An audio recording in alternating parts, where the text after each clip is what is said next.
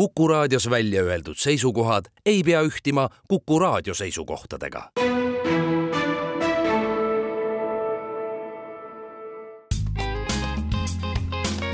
ärimeeter, põnevad vestlused kinnisvarast, majandusest, keskkonnast ja jätkusuutlikust arengust toob teieni Ülemiste City arendaja Tehnopolis Ülemiste.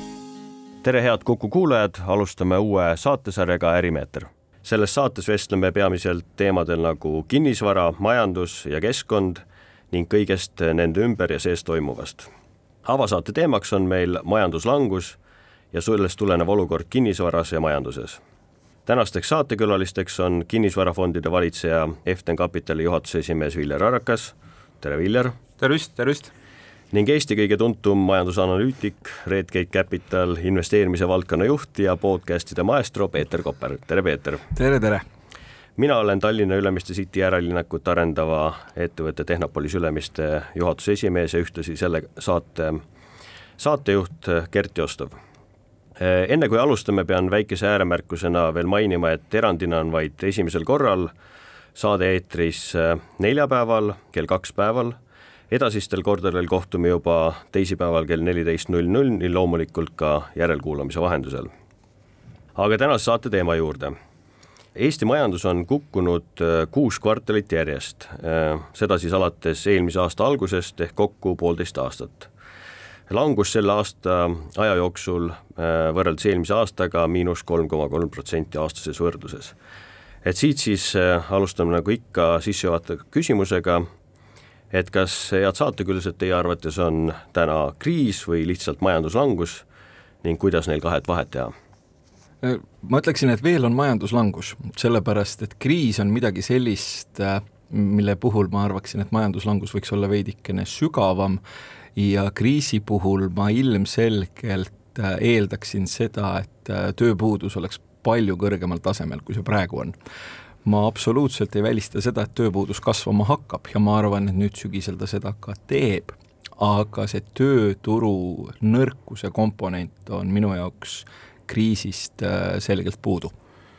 jaa, ma arvan, noh, Peetrile ju siin raske vastu vaielda, eks see on tema, tema teema, kõigepealt Gert muidugi jah, suur tänu sulle, et sa nüüd selle kinnisvara podcast'i esimesena Eestis ära teed, et äh, viime siis inimesed jah, üüritavate ruutmeetrite imelisse maailma. Et aga, aga, aga kas majanduslanguse kriis, minust ei ole kumbagi, noh, loomulikult tehniliselt mõttes langus on ju olemas, aga see on püsihindades, kui me paneme inflatsiooni juurde, siis tegelikult mitte midagi ei ole juhtunud ja just hämmastav ongi see, et nüüd me oleme siin septembris, kus veel ilm on väljas selline juulikuine, siis ma suvel Eestimaad mööda käisin päris palju ringi äh, ja ei lakanud imestamast. loen siis sama aeg uudiseid kuskil, et kus tööstustoodang langeb, kuidas jaekaubandus kõik langeb Euribor viib inimeste taskust nagu rohkem raha kui kunagi varem, siis vaatad, et üks sovjetiaegne hotellituba võib maksta kakssada viiskümmend eurot ööd kohalikus äh, Kuurotlinnas, eks, kõik söögikohad on rahvast täis, siis see nii-öelda selline dissonants justkui selle mikro- ja makropildi vahel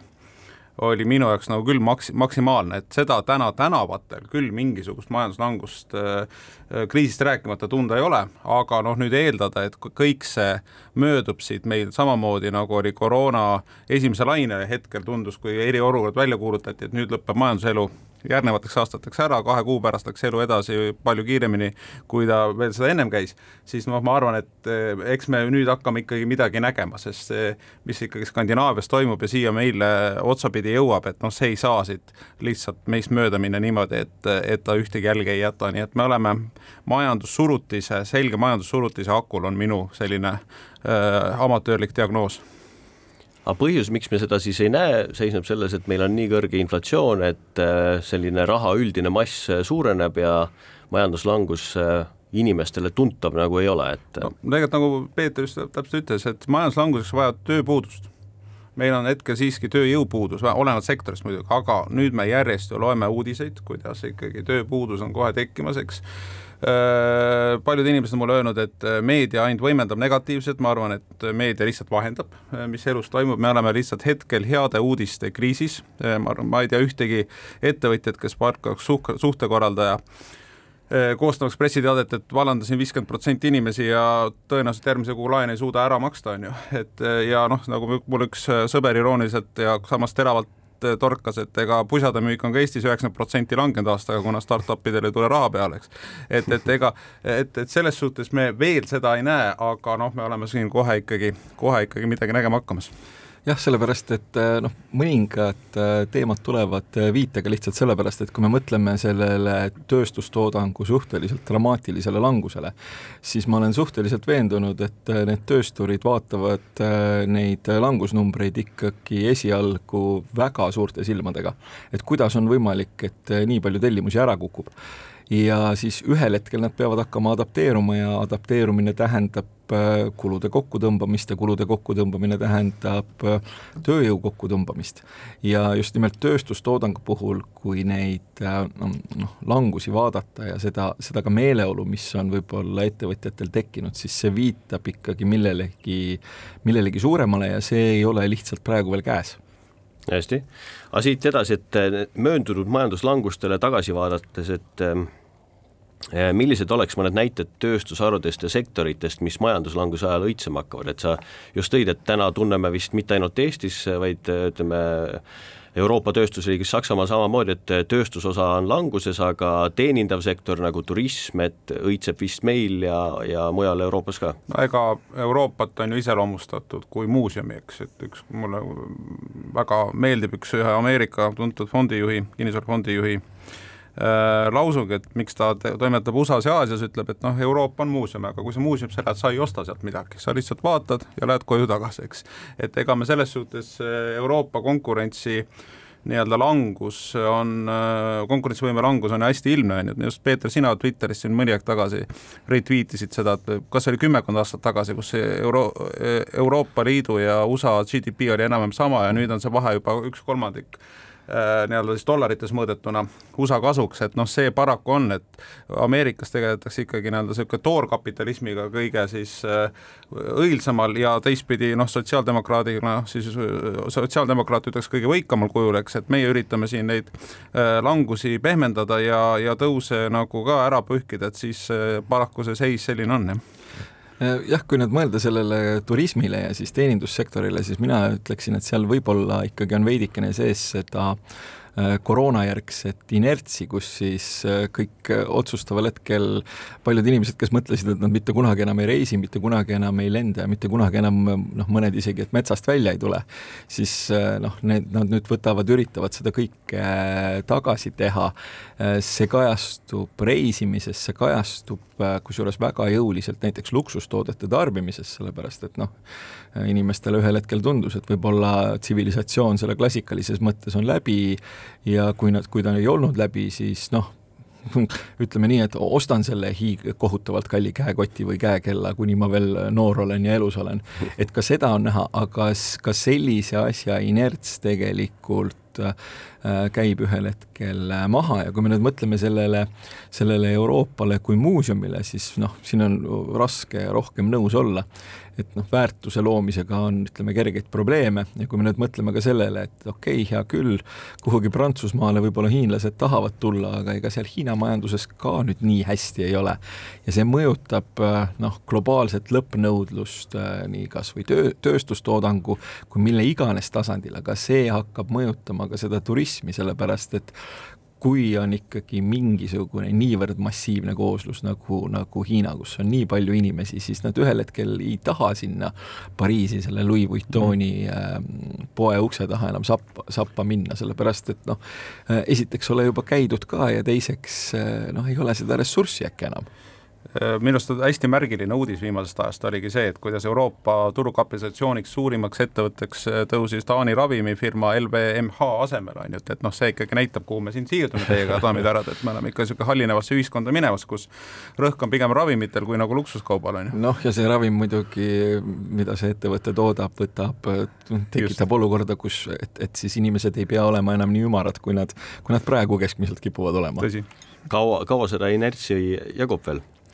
Äh, seda inertsi, see juba nagu paistab, ütleme, ettevaatavatest indikaatoritest ikkagi suhteliselt selgelt, et see in-, inerts hakkab maha käima, et kui hakata vaatama nii Saksamaa kui äh, Prantsusmaa ostujuhtide indekseid, siis äh, sealt nüüd mingisugust optimismi küll ei paista, et need on sellised numbrid, mida kohati nähti võib-olla viimati kaks tuhat kaheksa me siin keskealiste meestena mäletame, kui kole kaks tuhat kaheksa oli, noh. no täpselt, et äh, kui me ka vaatame Euroopa on ju, no Euroopa ei ole selles suhtes Ameerikaga võrreldav, et arvestades meie majanduse finantseerimisstruktuuri, siis Euroopa on hästi panganduskeskne ja nüüd ECB teeb ikka kvartaalseid ülevaateid nagu euroala pangalaenude nõudlusest ja see oli nüüd kahekümne aasta orus äh, viimased numbrid, mis juulis välja tulid, et noh, see nii-öelda jõuab viitega majandusse, et see selgelt näitab, et me oleme langustrendil, et nüüd see nädal on ju hästi otsustav jälle, kas nüüd Frankfurdis tõstetakse kakskümmend viis protsendipunkti intressi või tõsteta ja ausalt öeldes ega väga vahet enam ei ole. et äh, täna ta on nelja protsendi juures, et kas ta nüüd on kakskümmend viis pipsi veel seal peal või, või, või mitte, see suurusjärku enam ei muuda, aga, aga selline majanduse jahutamine läbi äh, sedavõrd kõrge intressikeskkonna selgelt hakkab nüüd jõudma kohale, mis, mis siiamaani oli ainult teoorias või noh, nii-öelda ettevaatavusindikaatorites, nagu äh, Peeter seda just ütles head kuulajad, teeme siinkohal meie saatesse väikese pausi ja oleme kohe tagasi. ärimeeter, põnevad vestlused kinnisvarast, majandusest, keskkonnast ja jätkusuutlikust arengust toob teieni Ülemiste City arendaja Tehnopolis Ülemiste. oleme pausilt tagasi ja jätkame saadet Ärimeeter meie tänase saate külalised on Eften Kapitali juhatuse esimees Vilja Rärakas ja Redgate Wealth investeerimise valdkonna juht Peeter Koppel. mina olen saatejuht Gert Jostov. tänase saate teema on majanduslangus olukorrast ja kinnisvaras. aga jätkates äh, enne äh, pausi pooleolevat teemat, et äh, millised raha teenimisvõimalused ja investeerimisvõimalused meil selles muuseumi keskkonnas siis jäävad ma kahtlustan, et muuseumi keskkonnas kipub neid suhteliselt vähe olema, sellepärast et ükskõik, kus suunas ma vaatan, mulle tundub, et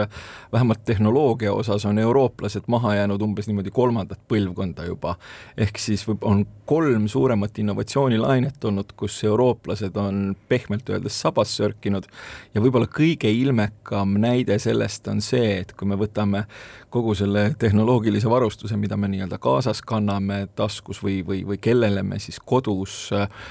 maksame meelelahutuse eest, et need on kõik Ühendriikide ettevõtted, et millegipärast äh,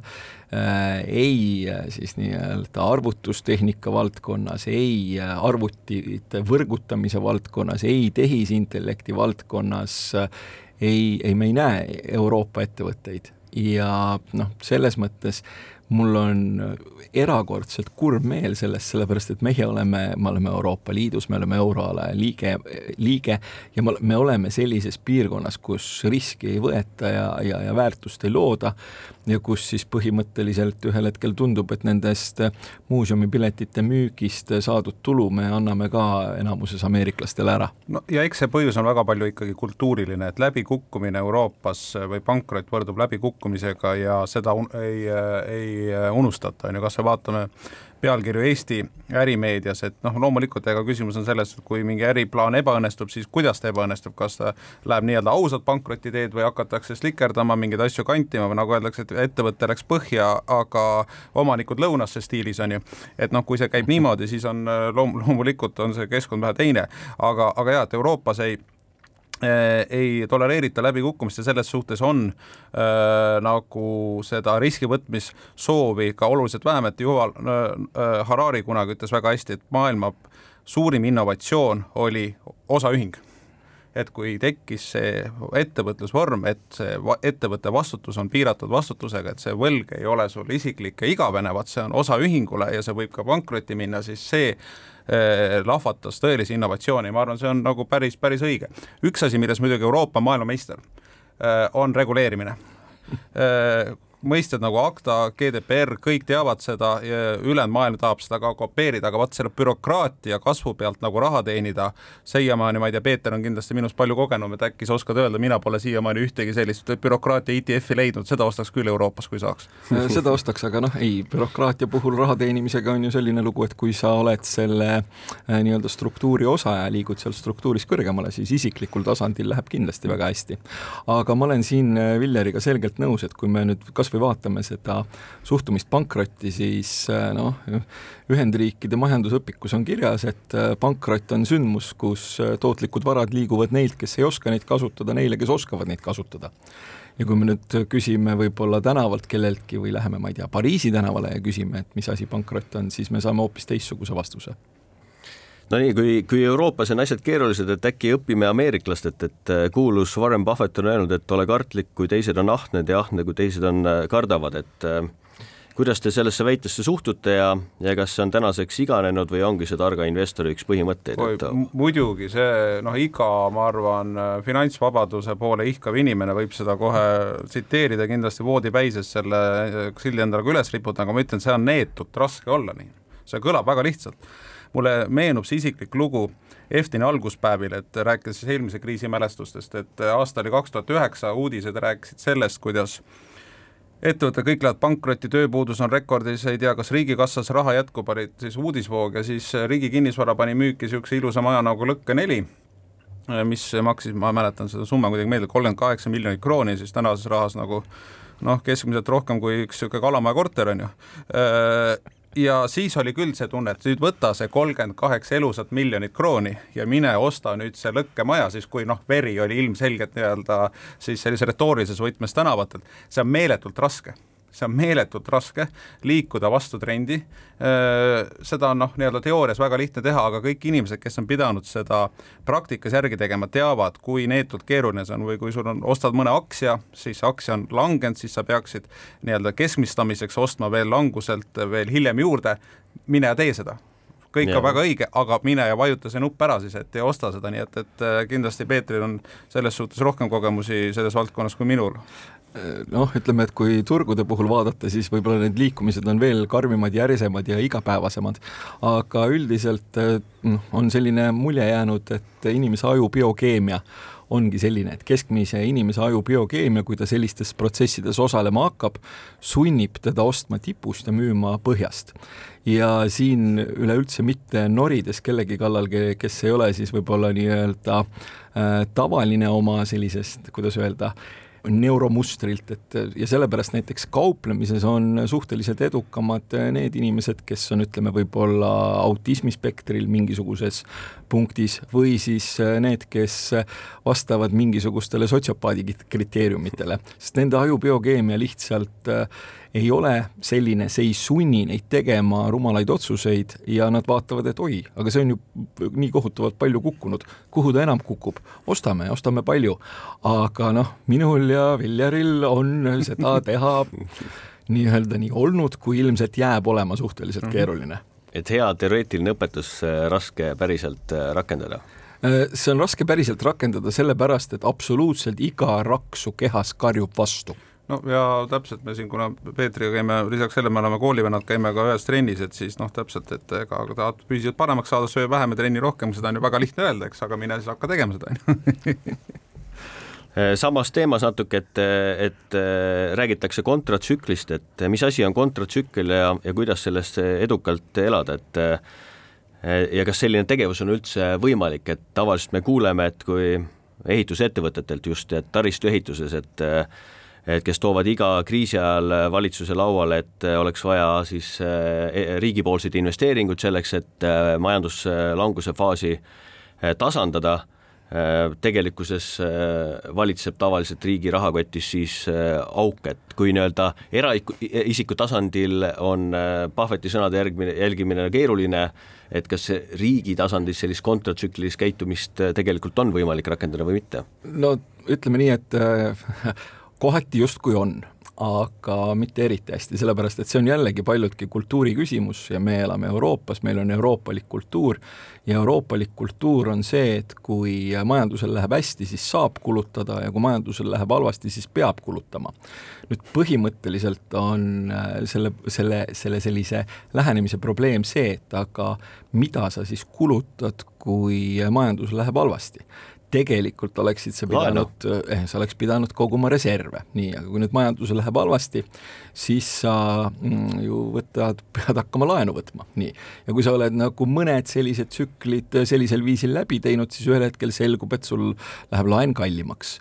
või sulle ei taheta seda üldse enam nii palju anda ja aga samas noh, tsüklid lähevad täpselt samamoodi äh, edasi. Ja sa oled põhimõtteliselt tekitanud endale jala külge sellise pommi, mis sul on põhimõtteliselt äh, segab tegemast äh, poliitilisi otsuseid, millest võiks tulevikus kasu olla ja see segab tegemast, see segab majanduskasvu ja see segab nii-öelda majanduskeskkonda laiemalt. aga see on kultuuri küsimus ja ma ei näe siin mingisugust paranemist hetkel, sellepärast et võlakoormatega ollakse jõutud sellisesse kohta, kus äh, see parandamise hetk on täiesti lootusetult mööda lastud. ja noh, tegelikult äh, täienduseks Peetri olles täiesti nõus, et minu arust viimase kümne aasta äh, jooksul on juhtunud nii, et ükski riigieelarve tasakaalus ei ole nagunii, lihtsalt heal ajal võetakse laenu finantsturgudelt, halval ajal keskpangalt, eks. ja, ja nii see on aga rääkides investeeringutest ja vastutsüklilisust, jaa, see jällegi teoorias kõlab kõik väga hästi, aga siiski ma tahaks öelda, kõige äh, riigi seisukohast kõige halvem investeering on tegemata jäänud investeering ja noh, selle hea näide on ikkagi maanteevõrk, on ju, mäletan Ansipi ajal, kus öeldi, et üks kilomeeter äh, maanteed maksab miljon krooni, siis mingi aeg ta maksis miljon eurot, on ju ja noh, kogu aeg ei saa ehitada, eks on ju, et, et oleks tegelikult äh, noh, jällegi käies Riias ikka väga palju, siis ma äh, kogu aeg ikka ei jätka imestamist, et kuulen nagu poliitikute juttu, kuidas meie prioriteet on ühendused Euroopaga, on ju, siis no vaadates neid teid, siis seda küll ei kahtlustaks, et, et see oleks kellegi prioriteediks, eks. et see on lihtsalt üks, üks näide, et tegelikult riik peab investeerima taristusse heal ja halval ajal halval ajal on jah võimalik seda nii-öelda teha vähe lihtsamalt, sul on võimalik saada nagu parema, parema hinnaga või noh, siis muidugi teha nii, et kui heal ajal olid hinnad üleval ja ükski hange läbi läinud, siis lõpuks kaevad ühel aastal terve Tallinna linna üles, nagu meil linnavalitsus on seda see aasta suutnud teha, et kõik hanked panna ühte aastasse on ju, nii et, et võib-olla nii kontratsükliline ei pea ka olema, just. Aga head kuulajad, teeme eh, siinkohal jälle eh, saatesse väikese pausi ja oleme kohe tagasi ärimeeter. põnevad vestlused kinnisvarast, majandusest, keskkonnast ja jätkusuutlikust arengust toob teieni Ülemiste City arendaja Tehnopolis Ülemiste. head kuulajad, oleme pausilt tagasi ja te kuulate raadiosaadet Ärimeeter meie tänase saate külalised on Viljar Arakas ja Peeter Koppel, mina olen saatejuht Gert Jostov. lõpetasime eelmise ploki üldise majanduskeskkonna teemal, aga liiguks nüüd äh, siis Villeri poolt mainitud katmata sektorisse nagu kinnisvara. ja esimese küsina võib-olla kinnisvara valdkonnas, et ähm, kinnisvara võib äh, siis majanduslanguse ajal kogeda selliseid suuri nihkeid ja finantskriisi ajal toimus äh, hirmus, hirmus hinnalangus, mille osas siis meie üks saatekülalistest, Peeter Koppel, Koppeli väljendit kasutades, et eh, langesid poriloiku ehitatud tortikappide eh, hinnad poole võrra, et kuidas täna sellist, selliste riskide vastu ennast kaitsta, millele peaksid keskenduma ettevõtted ja eraisikud? no tordikarpe ilmselt poriloiku nagu nii palju ei ehitatud kui toona, sellepärast et ikkagi äh, siin need, kes krediiti sellistele arendajatele võime, võimaldasid, need õppisid sellest äh, päris palju ja üldiselt äh, noh, mis seal salata, eks need arendajad ka üht-teist õppisid. et elukondliku kinnisvara kontekstis äh, võib-olla nii hulluks äh, see asi ei läinud teine asi, mis on muidugi juhtunud, on see, et kui me nüüd mõtleme sellele üld, üldisele näiteks elukondliku kinnisvara hinnatasemele, siis noh, olgem ausad, meil on ikkagi päris korralikult sissetulekute tase tõusnud ka ja noh, mingisugusel hetkel võis öelda vähemalt, et selline ikkagi keskmine ruutmeetri hind äh, tõusis umbes samas tempos võib-olla ka keskmise palgaga, mis tähendas siis seda, et, et selline kinnisvara kättesaadavus püsis, äh, noh, see graafik oli selline suhteliselt lame ja noh, mingisugusel hetkel siin äh, selle rahatrükiga seoses, pandeemiaga seoses tõusis see graafik ikkagi ka veidikene lendu, et kus siis kinnisvara kättesaadavus vähemalt elukondlikus kontekstis hakkas selgelt, selgelt halvenema. Aga Äh, noh, siinkohal ei jää mul ka nii-öelda mainida muud ära, mida ma sarnases kontekstis alati mainin ja millega ilmselt Viljar ka vägagi nõus on, et noh, kui äh, likviidsust tõmmatakse koomale süsteemist, ehk keskpank tegeleb täpselt vastupidise protsessiga rahatrükile, et siis kinnisvara hinnad lähevad alla, sellepärast et see korrelatsioon keskpanga bilansi mahu ja siis kinnisvara hindade vahel, et see on väga rasvane üks.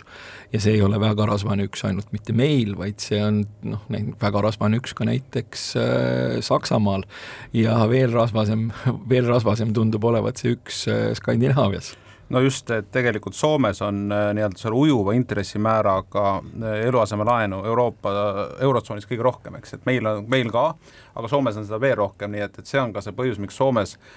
mitte küll päris nüüd see nii-öelda esimese kihi kõige tuntumad ehitusettevõtjad, aga teisest kihist on ikka juba päris mitu tükki nii-öelda kõhu taeva poole keeranud, et ehk pankrotti läinud, et et need seda, meie äriuudised seda ei kajasta, kuna need ettevõtted meil siin väga midagi ei ütle, eks, aga jaa, see noh, see, mida Peeter rääkis, see noh, vaieldamatult vastab tõele, nüüd me peame lihtsalt arvestama ühte asja, et intressi hakati tõstma juulis eelmine aasta ja hakati tõstma negatiivset territooriumit positiivsele. et tegelikult minu äh, seisukoht või väide on kogu aeg olnud see, et, et intressid on meil olnud äh, nii-öelda aktsepteeritaval või kõrgemal tasandil alates selle aasta alguses alles, et noh, tegelikult see aeg ei ole olnud üldse nii pikk veel, kõigil on mingid reservid, kõigil on ikka mingid äh, vahendid, kuidas ennast, äh, ennast nagu raskemal ajal äh, kohustusi täita, on ju, palju neid jätkub, kui palju neid kellelgi on, mingi, palju ettevõtetel on, palju eraisikutel, et see, see on tõesti hämmastav, kui vähe näiteks täna Eesti panganduses nii-öelda seda mittetöötavaid laene et arvestades, kui, kui asetada see konteksti nii-öelda eh, makro, makrouudiste ja kõige sellega, et ma lihtsalt arvan, et see reservid on veel olnud nagu piisavad, nüüd kuidas siit edasi minna, eh, noh jah, kindlasti surve hindadele jätkub, samas see ei ole mingi maailmalõpuline olukord ja meid päästis siin tegelikult ikka eelmise aasta või eelmise tsükli äh, vigade vältimine, kus pangad on olnud ülimalt konservatiivsed, distsiplineeritud uute laenude andmisel viimasel kümne aasta jooksul. et tegelikult ei ole nendele seltsimeestele, kes on tahtnud ennast lõhki laenata, on kõik selleks ise teinud, ei ole väga antud vähemalt pankade poolt võimalusi. nüüd, mis puudutab nii-öelda erakapitaliturge ja erinevaid võlakirjainstrumente, noh, seal on see maailm vähe kirjum. aga ma arvan, eraisikute seisukohast see olukord ei ole üldse nii hull, aga noh, surve nii-öelda jätkub, et tegemist on ostjate turuga ja noh, jumala eest, teil on täna valida palju rohkemate objektide vahel, kui seda oli kuus kuud tagasi ja ma arvan, see ei ole üldse halb, on ju jällegi äh, nõus, et päris intressitõusuks läks aasta alguses ja kui me nüüd ajalugu vaatame ja sellist nii-öelda tehnilist seaduspära, siis need intressitõusude mõjud kipuvad kohale jõudma täpselt nii-öelda üheksa kuni kaheteist kuu äh, pärast, noh, pärast seda tõusu. Ja kus me siis omadega oleme, me oleme septembris, ehk siis noh, nüüd võiks olla selline hetk, kus läheb huvitavamaks, kui, kui siin veel ütleme, kevadel ja suvel oli ja just, et äh, aga ütleme kinnisvarast üldiselt rääkides, et äh, nagu mainitud, me ei saa rääkimata jätta laenu hinnast ehk siis Euriborist on ju, laenu kättesaadavusest ja võlakoormusest, et äh, mil määral praegu on probleemiks see kinnisvaraettevõtetele ja era, eraisikutele ja kas me kannatame jätkuva sellise raha kallinemise välja? no ma arvan, et äh, siin on nüüd väga erinev vaade, on mikrotasand ja makrotasand, et kindlasti võib olla mõnel eraisikul, äh, kes võttis siin nullintressi keskkonnas nii suure laenu kui vähegi võimalik, täna nagu päris keeruline, aga kui sa vaatad makropilti, siis ikka Eesti nii-öelda ettevõtete või ka kodumajapidamiste võlatase suhtena SKT-st on üks Euroopa Liidu või Eurotsooni madalamaid, eks, et selles suhtes tegelikult makropildis meil pro-, äh, muret ei ole pangad on meil hästi kapitaliseeritud, depositi jätkub küll, tõesti on minu arust siin üks selline struktuurne nihe, millele on vähe tähelepanu pööratud, et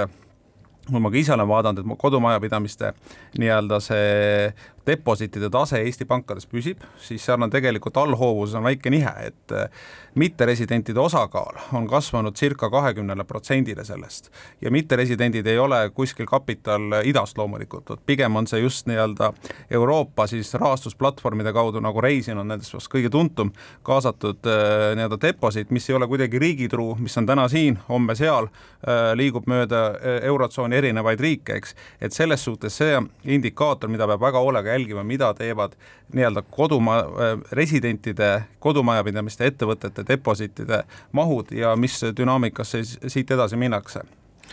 Jah, see on erakordselt huvitav äh, ja tähtis, noh jällegi graafik, mida jälgida. Ja mis on selle juures huvitav, et kui see selline fantastiline inflatsioonifestival meil lahti läks, et siis hakkasid äh, ikkagi nagu säästude mahud pankades, pankades vähenema, nad vähenesid mõnda aega, siis ühel hetkel nad jällegi kasvasid. ja see kasvamine võttis võib-olla natukene kukalt sügama, et, et äh, huvitav esiteks, mille arvel, ja teine asi oli loomulikult see, et, et äkki siis nii-öelda võib-olla ühe esimese korrana ajaloos inimesed hakkasid käituma veidikene ratsionaalselt ja mõtlesid, et mingisugune jama võiks olla tulekul, et kasvataks nüüd uuesti puhvreid no ma muidugi siinjuures ei saa jät-, saatmata jätta tervitust Isamaale, et ega siin ikkagi see teise pensionisambast raha väljavõtmine üks hetk tõstis seda depositide määra suisa mingi miljardi euro võrra, et kas see nüüd seal tänaseks seal kontodel on, ma nii optimistlik ei ole, et ju siis Euronics on ikkagi teinud aastakäibed, eks me ja, ja suunnud oma ladu tühjaks müüa ja, ja inimesed on palju ka reisil käinud nii-öelda oma siis